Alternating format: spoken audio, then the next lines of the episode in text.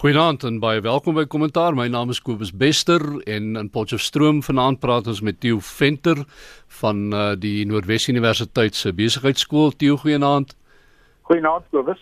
Ja, uh, ons het vir Piet Kroukamp hier by my in die ateljee van ook van Noordwes Universiteit. Ehm uh, uh, Piet, goeienaand. Goeienaand. En nog 'n Pieter of 'n Piet, uh, Pieter de Tooi ehm um, van uh, Media 24, Nuus 24. Ek is al so die mekaar met al daai titels van julle. Enige een um, van ehm, hulle. Maar uh, dis dis soort van in the ballpark soos die Amerikaners sê. In die familie ja. ja. So Pieter Goeienaand, welkom. Goeienaand. Uh die afgelope week ehm um, het daar twee weke eintlik 'n ding tot barstens toe weet uit uh, gekom wat eintlik nie so verrassend moes gewees het nie en ek noem een naam en is Westbury. Ehm um, en uh, mens wonder oor die reaksie wat ons van die regering gehad het tot nou toe oor dit uh, en of dit enigstens gaan help om die mense van Westbury en hulle probleme aan te spreek. Die total shutdown ding uh, word ook geassieer met Westbury en dit kom in, in baie klein gemeenskappe voor.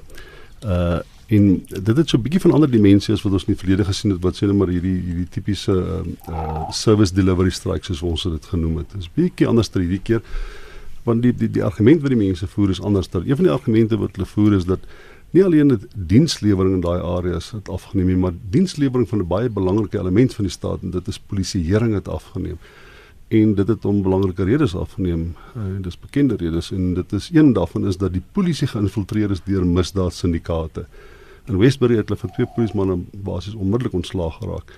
Maar dit is die groot probleem wanneer misdaad deel word van die staatsopset en uh dienslewering, sê net maar soos die veiligheid van die samelewing word dan nou daardeur geïnhibeer.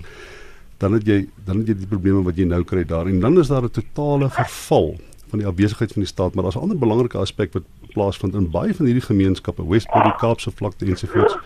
Is, is dit oukei daai kant? Tio, ek weet nou nie of dit jy is wat nou so verstik daar nie, maar ons hoop jy's uh, lewend met ons nog. Nee, ek is doodstil. Ek luister aandagtig na julle mense wat Westbury ken. Okay, ek ry net daar deur van tyd tot tyd. Okay, maar die die ander die belangrike ding wat wat wat uh, ek dink wat besig is om daar te gebeur is dat die absolute verval, die armoede wat daar intree is natuurlik nou die werkloosheid is groot en Westbury se werkloosheid tussen 50 en 60% uh sosiologiese studies wat na omgewing gedoen, maatskaplike studies wat na omgewing gedoen is dat die familiestrukture totaal verval het. Dwelm mishandel het nie alleen die samelewing uh weet aan die keel beet nie, maar dit het oorgefilter na die skole toe en die konflik wat in die skole bestaan, die konflik wat binne in die gemeenskap bestaan, het dikwels met dwelms en die die die die die, die, die dwelmhandel te doen. En dan die konflikte wat binne in die skole bestaan, byvoorbeeld een van die uh, insidente is dat hulle doen nie meer uh um uh, dissiplinêre verhore wat by die skool moet plaasvind by die skool nie, hulle gaan doen dit by die polisiestasie. Maar die polisiestasie is alreeds betrokke by die probleme en dan die drak uh, die die dwelmhandelaars bly reg rondom die polisiestasie en die polisie waarsku as dit ware die dwelmhandelaars. Met ander woorde wanneer daar wel aksies geloods word en mense in die polisie gaan soheen toe om te gaan kyk wat hierdie dwelmhandelaars in hulle kaste dan kry hulle normaalweg niks nie. Hoekom? Omdat daar reeds voortydig aan die gewaarsku waarskuwings gestuur word met ander woorde die intelligensiedienste van die staat bevorder georganiseerde misdaad en bevorder dwelmhandel in hierdie areas. En uh, dit is dit is die redes vir die geweld daar. Is daar regtige oplossing in hierdie stadium want ons sien meneer Klele generaal Klele ek is nou nie seker wat hy deesdae met sy titel wat hy gebruik het korporaal maar um, hy um, het met groot gebaar nou gesê maar we are coming. Ons kom nou vir julle en ons gaan nou hierdie ding uitsorteer en as ek net een ding nog kan by vir Kobus wat hy doen is en hy doen presies wat Fikile en Beloede hmm. gedoen het. Hy daag in 'n konflikarea op en dan maak hy groot gewag van 'n bepaalde situasie en hy gaan toetree. En in Johannesburg het hulle albei polismanne wat oral gefunksioneer het hulle soontoe na Westbury toe getrek. Die uh die hele metro metropolitan police wat is dit in Afrikaans was almal daar gewees die ander aand ek ook daar was. Daar was dit dit gewemel van karre wat beteken hulle word uit ander areas onttrek. Dan probeer hulle die situasie bestendig. En die oomblik wat die polisie die verlaat dan gaan die drakhandelaars gaan presies aan waar hulle vroeër voorheen aangegaan het. Met ander woorde die probleem word nie opgelos nie. Ons probleem met polisieering in Suid-Afrika is sistemies dit jy kan dit nie van brandpunt tot brandpunt oplos nie. Piet maar is hierdie Westbury saak is dit 'n is dit 'n 'n um, duplisering van wat ons in die Kaapse vlakte gesien het en sien ons dit net in bruin dele van die land. Ons sien dit nie in ander dele waar mense eintlik in in in 'n totale um, politieke weerstand eintlik beland vanweë swak polisieering of is ek verkeerd as ek dink dit is 'n eendimensionele soort probleem. Dis 'n blerrie goeie vraag, jy want baie keer wonder ek of mense net bepaalde tipe van noem dit nou maar misdaad uh assosieer met 'n bepaalde area omdat dit die dominante misdaad daar is, maar miskien is uh, dwelm probleme in alle gemeenskappe of in baie gemeenskappe, maar een van die dinge wat nou so is is dat veral in die Kaapse vlakte by Westbury en in baie in die breingemeenskappe is gangsterisme en en en en mis en en, en dwelmgeweld is ongelukkige uitstaande kenmerk en dit loop baie nou saam. Jy kan maar gaan kyk hoe lyk gesinsstrukture in daai areas. Dis 'n totale verval van gesinsstrukture en dan die relatiewe armoede wat absolute armoede oor tyd word. Ek dink Mike Schuster het baie mooi vir ons die ander dag gesê dit Suid-Afrika is een van die min lande in die wêreld wat oor die laaste 15 jaar terwyl uh, absolute armoede 45% wêreldwyd afgeneem het, het in Suid-Afrika toegeneem. Met ander woorde mense is aansienlik armer as wat hulle was 15 jaar gelede in 'n groot deel van Suid-Afrika. En hierdie gemeenskappe kan jy maar gaan kyk, dis presies waar dit plaasvind. Piet verwys na die um, die sistemiese probleme in polisieering en en Westbury is 'n is 'n perfekte voorbeeld daarvan. Uh uh, uh ons het verslaggewers hierdie week op die op die toneel in Westbury gehad en hulle teruggekom met uh vreeslike verhale van mense en families en vrouens wat sê Hier is die dwelm koning, hier is die dwelm prins, hier is sy huis. Daar staan hy. Ehm um, voor sy huis lê daar leë pakkies kokaine en heroïne en tik en allerlei ander uh vorms van dwelmmiddels wat daar gekoop en net daar op die grasperk gebruik word.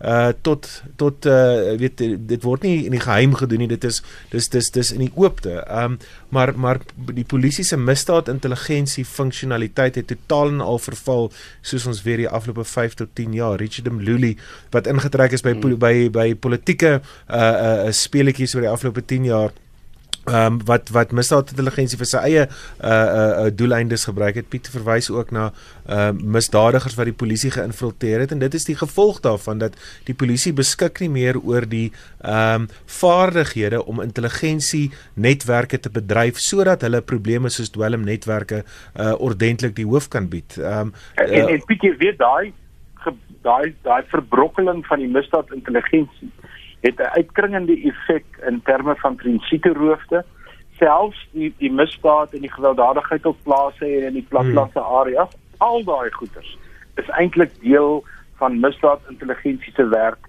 wat in duie gestort het. En nou nou voeg jy daarby, jy weet dit is nou nie direk hier by verband nie, maar as jy nou kyk na die uitkringende effek, kyk na wat het by die Suid-Afrikaanse Inkomste Diens gebeur waar spesialis eenhede wat byvoorbeeld sluikhandel in sigaret in sigarette moes uh, probeer bekamp, het ook heeltemal in duie gestort. So dit is dit is daar's 'n uitkringende effek uh, en dit word sekerlik regdeur getrek tot by tot by die vervallende staat uh, en staatskaping en en weier is dit.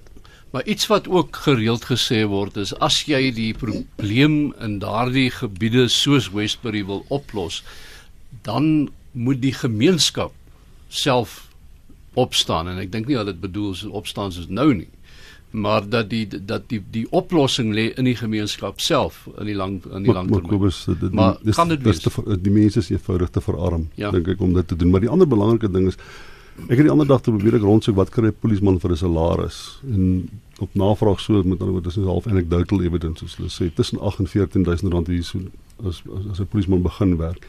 Nou gee vir daai hy sit hom sit op 'n wapen op sy heup en gee hom geweldig baie mag oor ander mense.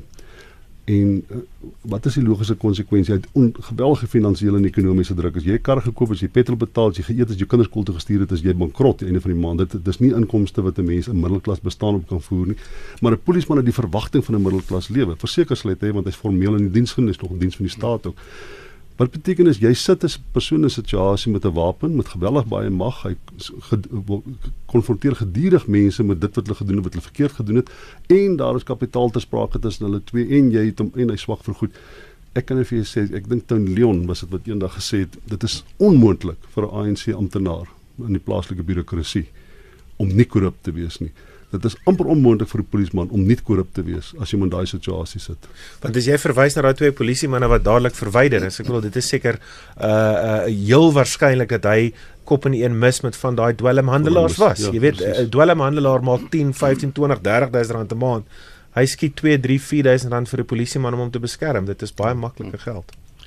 Nou kom ons stap oor na die volgende ding wat hierdie land getref het hierdie week en uh uh wat baie ver gaan uitkring uh, oor die volgende weke en maande en dit is daai reuse brandstof prysverhoging wat ons nou pas ervaar het.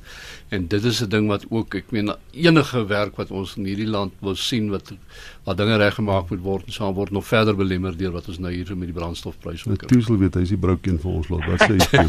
nee, jy mag Kobus, dis natuurlik die slegste nuus is, dis nog nie die einde nie. Ja. Want ehm um, verlede maand het die regering besluit of om nie die verhoging deur te gee aan die verbruiker nie en ons het geweet verlede maand dit gaan hierdie maand 'n dubbele slag wees wat dit was.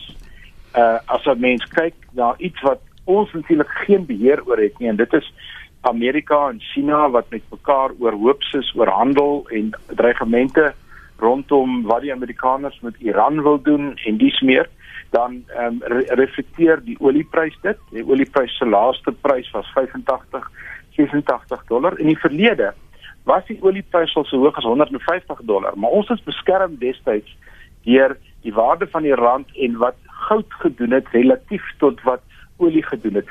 Goud is hierdie keer die afwesige speler in amper hierdie buffer wat Suid-Afrika gehad het. Nou sit ons in 'n resessie en ons sit in 'n in 'n dilemma waar die die die die onvrugtende effek wat Trump nie net op Amerika het nie, maar op die wêreld het en ons word eintlik 'n um, baie baie brose ontvanger en 'n en 'n en 'n slagoffer van hierdie groter spel. Dit is uh, ons is nie in 'n goeie plek ekonomies op die oomblik nie. Maar polities Kobus is is is, in Suid-Afrika, die taxibedryf in Suid-Afrika vervoer 60% van alle mense wat gaan werk elke dag.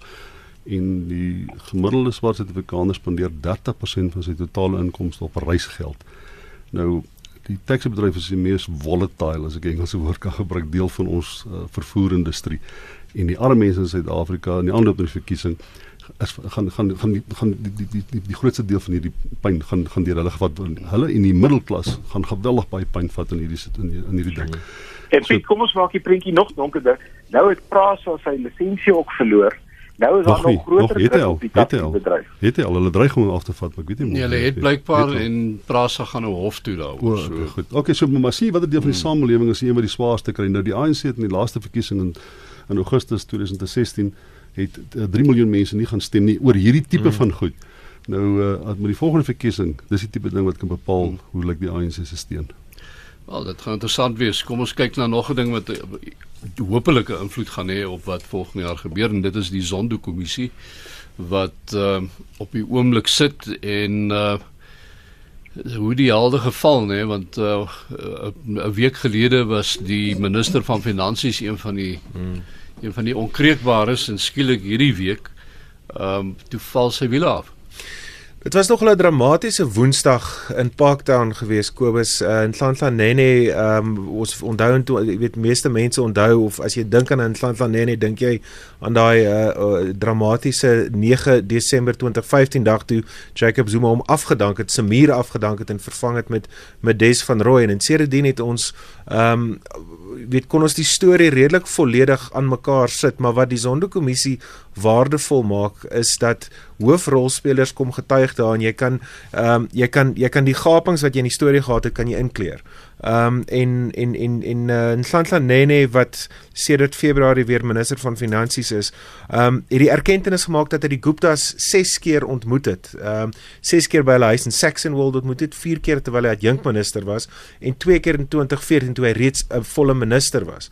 Ehm um, vier ander kere op geleenthede soos uh, na die staatsrede in Kaapstad. Ehm um, hy was by hulle kantore in Midrand geweest en dit laat verskeidenheid vrae ontstaan. Nou uh die die die uh die verdediging van hom wat uit die uit die amptenary van Tesorie kom is dat in die eerste termyn van Jacob Zuma was hy die president wat uh die Guptas aan verskeie ministers en adjunkministers voorgestel het. Jy weet, jy sal by 'n uh, sosiale funksie wees en die minister die president sal sê kom ontmoet kom ontmoet hierdie mense en wat doen jy dan?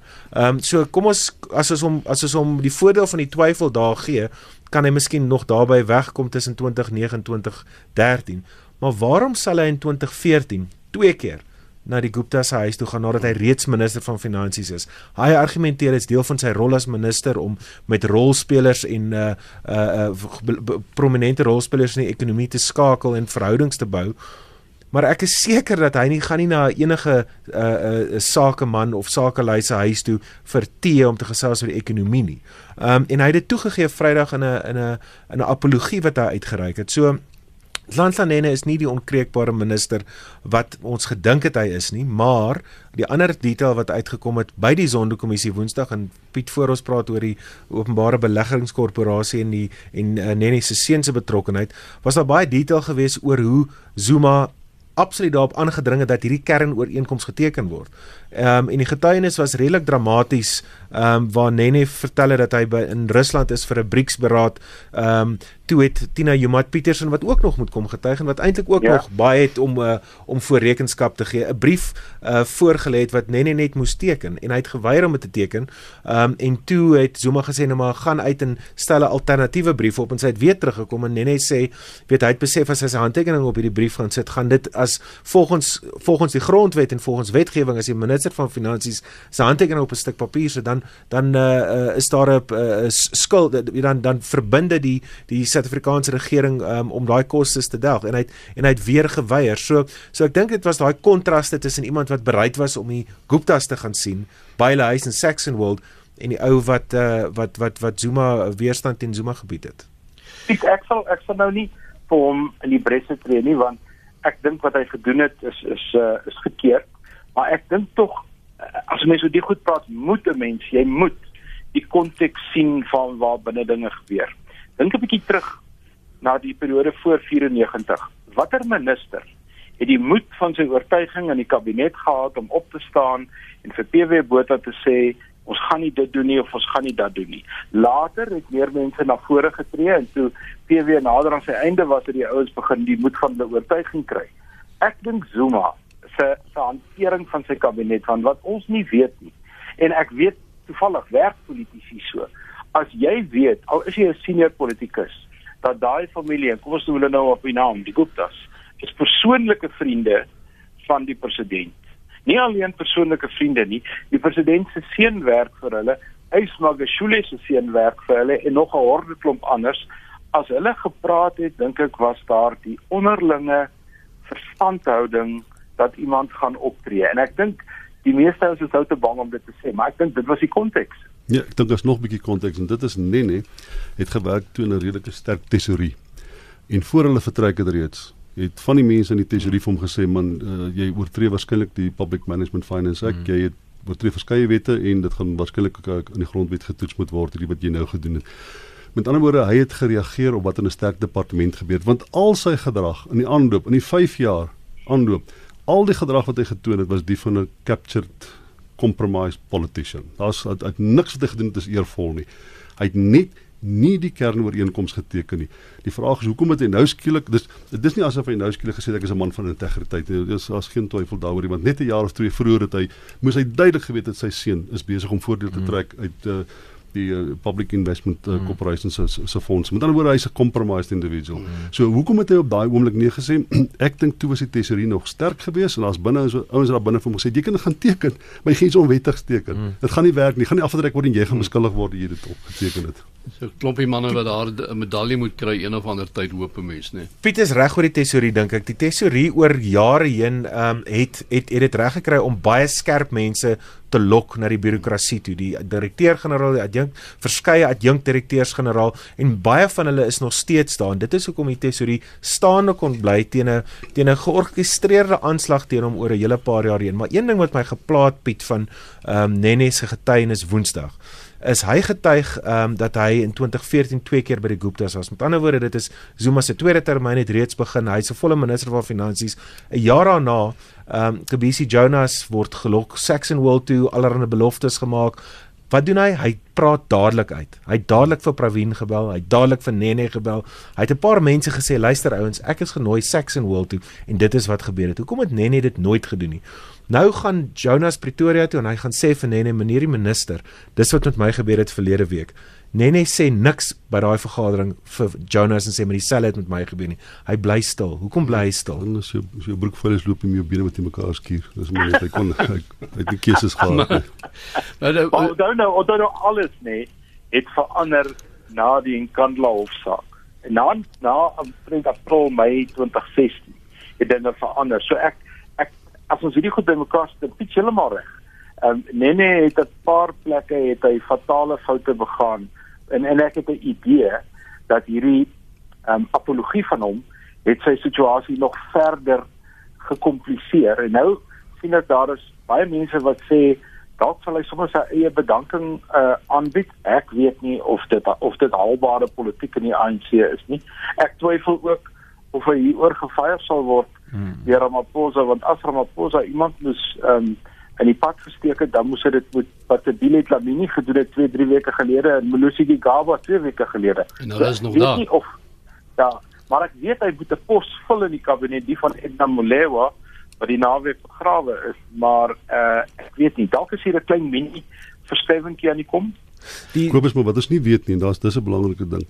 As hy vir Nene fire en Nene in feite met die Guptas aangedoen het, dan moet ons verseker weet dat Ramaphosa homself het nie aangedoen met die Guptas nie. Hy kan nie vir Nene fire en kom dit later uit maar hy was self op besoek daar gewees nie. Onthou ons het nou Pravin Gordhan wat volgende Vrydag getuig en uh weet daar's ook dik gerugte dat Pravin Gordhan gaan ook uh, uh die sluier lig oor sy kontak met die Guptas, nie op dieselfde mate wat Nene kontak hmm. gehad het, maar daar was definitief uh in daai regerings en daai staatsomgewing uh weet sosiale funksies, die Guptas is oral ingedruk en en en en views ek dink is dit belangrik dat ons daai konteks onthou dat veral die eerste termyn Zuma ja. was die president gewees, jy weet, uh uh die Guptas was onthou in 2010 die Guptas het eers op ons radar verskyn in 2010 met Imperial Crown Training Kumba uh Eystererts ja. daar by Sishen. Ehm ja. um, toe 2011 is die uh, New Age gestig 2013 hierdie televisiekanaal begin. So jy weet hulle was hulle was laaf vlak uh amper sê ek skurke. Sluipers gewees. Kan julle onthou? Maar dit was eers met Waterkloof wat wat hulle werklik waar ja, uh, ons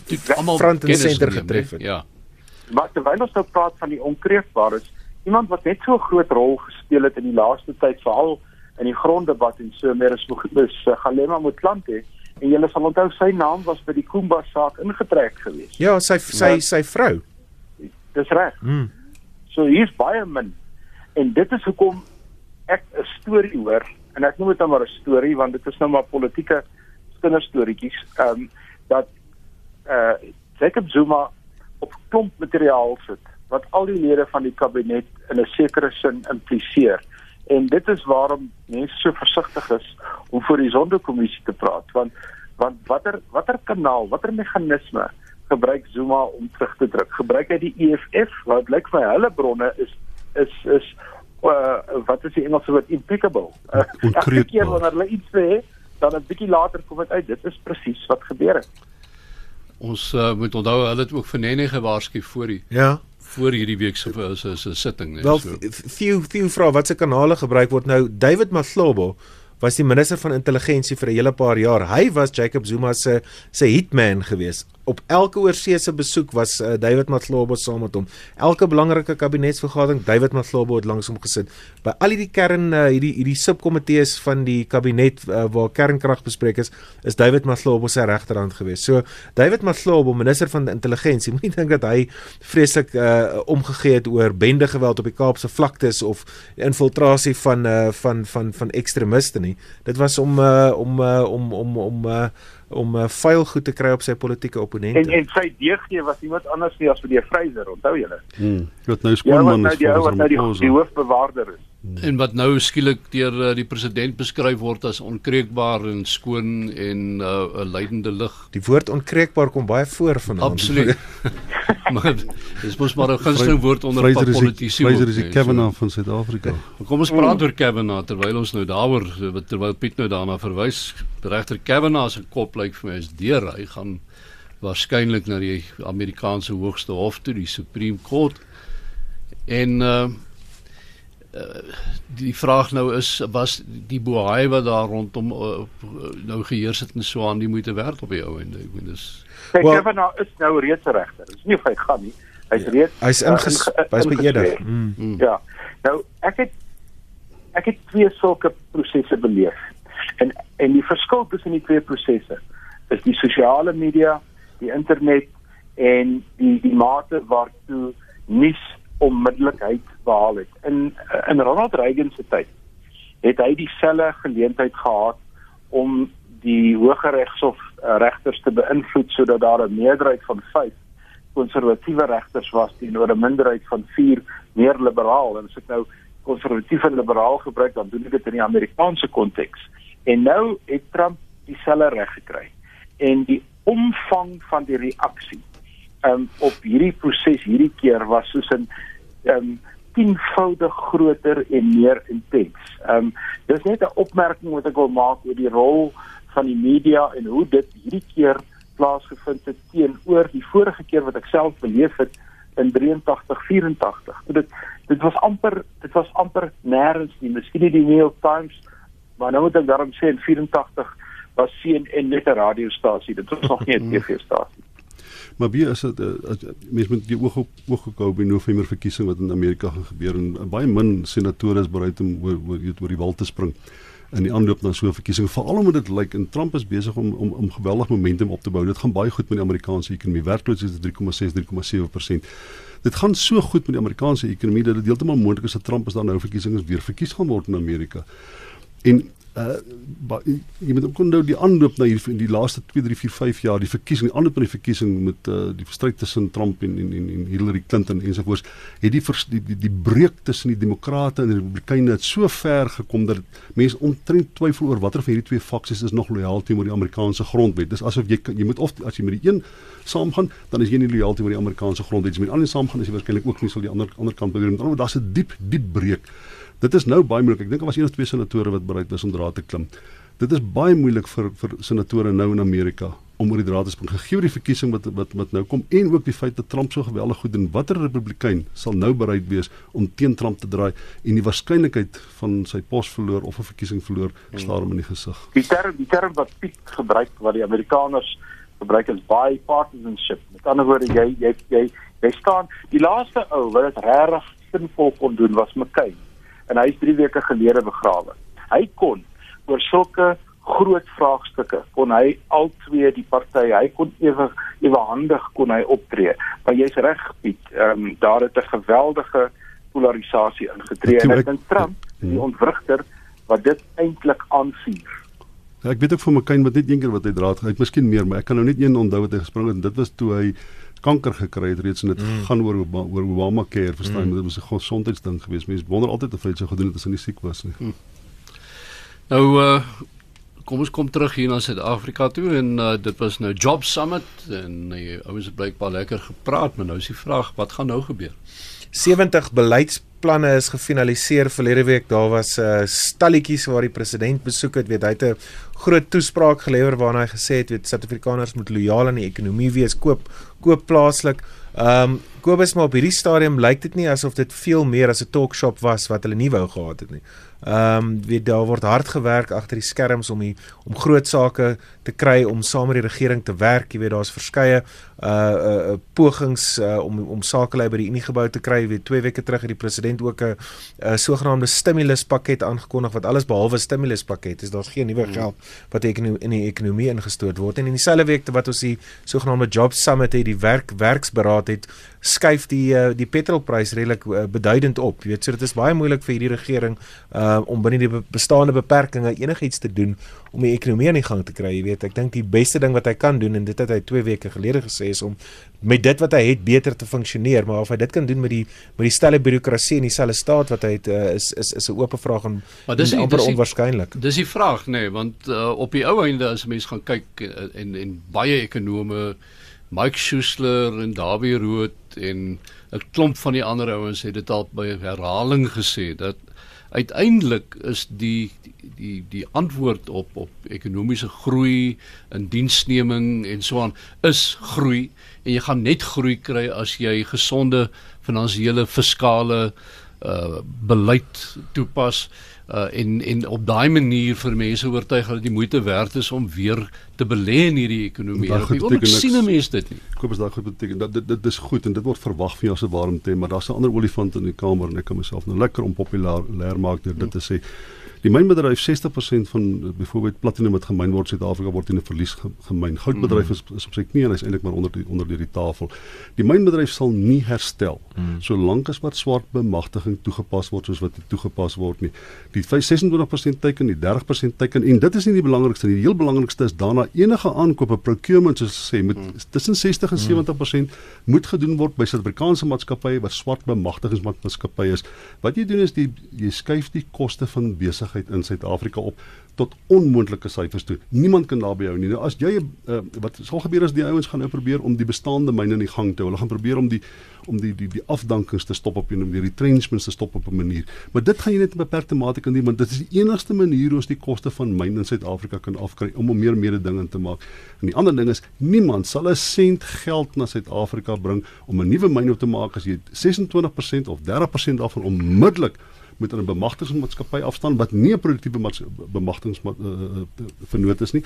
En daarna besef jy dat die aankope wat jy gaan doen gaan tussen 25 en 30 en 40% duurder wees as wat jy moet kry. Onthou 80% van die aankope word nou in die buiteland gedoen. Daai goed moet nou in die buiteland binneland in terme van hierdie uh, ooreenkomste gedoen word. Dit is onmoontlik ja. om geld te maak in die mynbedryf. Uh, Kobus, dis hoekom soveel groot maatskappye in Suid-Afrika wat by hierdie werk ehm um, uh, spitsberaad was sit met miljarde rande wat hulle nie investeer in Suid-Afrika nie. En daar is 'n paar faktore. Een wat Piet genoem het, is beslis 'n feit. Die tweede een gaan natuurlik oor vaardighede, die derde een gaan oor beleid onsekerheid. Nie hmm. soos uh, Gwery getweet het en gesê het nou nou skep hy eintlik beleidsekerheid of hy of of of verkeer. Maar hy het uit 'n uit 'n uit 'n fout gemaak in sy tweet. En dan nog 'n faktor is die die hele kwessie van die die besigheidsklimaat. Nou nou weet ek dis 'n hoender eier storie. Die groter ehm um, vertroue in die ekonomie skep nou weer 'n klomp ander goed want daar moet die deurbraak gemaak word. Nou het ons en ek is onder korreksie dink oor 2 weke het ons die investeringsspitsberaad mm. wat nou volg op die op die werkskepingsspitsberaad of summit en en dalk sal die goed dan daar aangespreek word. Maar dit klink nie vir my asof groot sake in in en en groot sake lê besig is om in te klim hierson vir die regering werklik waar te sê wat die probleme is nie. Want as jy eh, as jy in kontak kom met mynbaas en dan sê hulle vir jou jy, hulle gaan oor see, maar hulle kry nie beleggers om, om oor see in hulle myne hier te belê nie. Weet uh, Sibanye Golds en Neil Vroneman sê hy gaan oor see, hy soek beleggers in Kanada en Amerika. Mense sê vir hom ons kan nie by julle belê nie. Daar is te groot onsekerheid. As jy met landbouers praat, Piet, jy weet uh, dat uh uh uh die mense van Agbe sê vir ons met hoe baie geld sit boere wat hulle wil nie dit belê in hulle uh, sake eenhede soos wat dinge tans staan nie. So daar is wye beleidsonsekerheid oor verskeie sektore heen. As jy nie al hierdie sektore aan mekaar uh, in die gang kan kry deur minstens vir hulle sekuriteit en sekerheid te gee dan gaan jy die ekonomie groei nie. Ek wil dan korrek sê maar die nuwe kopers van Londen en ons weet Londen staan op sy knieë, maar die nuwe kopers van Londen, hy koop daai ding met PIC geld. Met ander woorde, jy kry nie geld uit die buiteland nie. Ja. Hulle koop die ja. geld weer eens met PIC geld. So dis dis nog uh, nog 'n manier waarop Suid-Afrikaanse pensioen staatsmense se ja. se pensioene ja. en die smeer gevaar gestel word. Nou wat gaan gebeur? Ons het oor 2 of 3 weke het ons die middeltermyn begrotingsrede uh, wat in die parlement gelewer gaan word. Gaan dit deur in land van Nene gelewer word? Ons sal moet sien, of maar as dit as dit nie Nene is nie, weet dit ja. veroorsaak ja. nog verdere onstabiliteit. As jy nou nog 'n nuwe minister van finansies kry, dan kyk jy al wat die buiteland sien en die president was nou by die VN was op 'n groot bemarkingsveld te hoor sê saam met die minister onder andere sy ook sy beleggings uh uh gesante Trevor Manuel en dies meer al wat die buiteland sien is hy's nog 'n minister wat betrokke was in korrupsie en ons ons het nog eers gepraat oor sy seun se betrokkeheid by die openbare beleggingskorporasie nie. So um en ons weet wat die wat die tesourier 3 weke gaan sê, daar is nie geld nie. Ons begrotingstekort word groter. Um buitelandse skuld neem toe, dit word al hoe duurder. Ons staatseffekte neem af. Um ons is nie in 'n goeie posisie nie. En terselfdertyd uh, terwyl ons nou oor die mynwese praat, het ons daarom sekere Australiërs wat nou met alle mag gaan by Kolobeni op, op, op die Willekus wil uh, gaan staan in titaan of titanium uh, gaan gaan myn en uh, die gemeenskap wat baie ernstig daarteen uh, staan en en sê dit gaan hulle landelike manier van leef uh, vernietig. Maar uh, Gwedi Mantashe ons minister in die verband is uh, het klaar gesê maar hy gaan nou nie hy hy gaan die ding deurdruk. Uh, Wat in die verlede gebeur, daar was wetgewing wat dit onmoontlik gemaak het of veronderstel teoreties gesproke vir uh, mynbaas om ooreenkomste aan gaan om te gaan met hoofmanne en hulle het dit gedoen en die, en as jy vir die myne vra oor hoekom het hulle gedoen dan sê hulle nee maar die DMR die, die, die het vir ons gesê ons kan dit doen en ons moet dit so doen. Wat beteken is en uh, hulle gaan met hoofmanne gaan ooreenkomste aan mm. wat grondonsekerheid skep vir die mense wat daar bly. Jy weet meeste van die uh, van daai areas die mans is reeds onttrek. Hulle werk ergens in Suid-Afrika, ergens in in in, in stedelike Suid-Afrika. Maar die die die grond is 'n manier van oorlewing vir die mense wat agtergebly het en 'n vorm van sekerheid verblyfsekerheid. Dis nog steeds baie belangrik. Nou wat Gwedi Mintas nou sien is en dit het baie plekke in Suid-Afrika gebeur, is dat mense word eenvoudig hulle grondsekerheid word op opgehef as gevolg van ooreenkomste tussen die mynbedryf en hoofmanne. En die belangrikste ding daarvan is die korrupsie van die hoofmanne wat die voordeel daai Ja, trek absoluut. en die mense wat geen voordeel daai trek nie. Ek is doodseker as hierdie ooreenkoms reg aangegaan was, is dit heeltemal moontlik om grondsekerheid op 'n manier te waarborg en 'n bepaalde voordeel aan die gemeenskap te af te wentel en die mynbedryf kan gefunksioneer het daar. Maar hierdie doelbewuste poging van die ANC om, om stemme te trek want aanvanklik was dit moontlik as jy die as jy die hoofman aan jou kant het, mm. dan kan jy bepaalde stempersentasie verwag uit daai area. Daai politieke korrupte model het gemaak dat daar nou uh, onseker verblyf onsekerheid in landelike areas is. En die ANC ons sien dit nou in KwaZulu-Natal, hulle het nou 6 6 uh, plaaslike verkiesings het hulle, het verloor die- onlangs aan die IFP. En die rede hoekom hulle verloor is omdat die mense is besig om opstand te kom teen hulle eie tradisionele strukture wat hulle dan asseer met die ANC deur die voude van ander partye te stem. Hier kom 'n baie baie interessante verkiesing volgende jaar. Nog 'n interessante ding uh, hierdie week en dit is of en dit was op die voorblad eintlik van die uh, Independent vanoggend. Dink julle Eskom is te koop?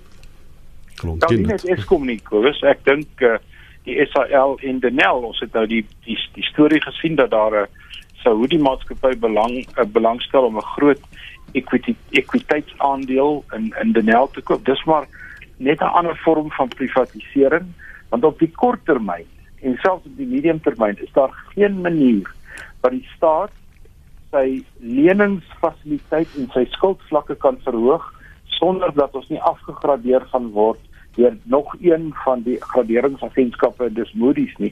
En as ons in in in in rommelstatus is, sogenaamde junk status, dan is ons natuurlik in 'n baie interessante groepie. Ons is dan saam met Indië en saam met Rusland en saam met Brasilië wat klaar saam met ons in BRICS is, maar dit is dit is 'n plek waar die koste van geld dan nog duurder word. En uh, ek dink uh, die die die die in die die inkoop van privaat maatskappye is waarskynlik 'n noodsaaklikheid, maar net soos in Mark Maggie Thatcher se tyd sal die ANC dit nie privatisering kan noem nie. Maar die Sudies koop in elk geval al klaar baie van ons wapentuig. Dit, dit of dit wat is nog vervaardig, dit ons het sterk ooreenkomste met hulle gehad in die verlede. So ek vermoed so privatiseringsooreenkomste sê ons uh, koop in op die ding maar ons het ook nou 'n uh, 'n beheerende aandeel van wat vervaardig word in terme van ons behoeftes. Kyk, die storie het seker nog 'n hele end om te gaan. Dit is totaal en al teen die grein van die ANC en totaal en al teen die grein van van van van van uh, die ANC se alliansie vennote, maar die wat beter weet sê dat Eskom is heeltemal te lomp, hy's heeltemal te groot. Hy moet opgebreek word in minstens 'n genererings en 'n verspreidingsdeel. Ontbondel um, word soos hulle graag ja, uh, vir 'n ja. paar jaar terug gesê het. Ja, en dit is dan waar die waarde is en dit is waar waar privaat beleggers uh uh uh opbrengs kan kry vir hulle belegging. Ja, ek dink ons het die einde van vanaand se program uh, bereik. Uh, ons moet begin groet. Ek wil dankie sê aan Piet Kroukamp en Pieter de Tooy hier altyd by my in die ateljee. Theo Venter daar in Potchefstroom, baie dankie vir julle bydrae vanaand tot uh uh kommentaar en kommentaar is volgende Sondag 8uur weer op die lig. My naam is Kobus Wester. Ek groet tot dan. Totsiens.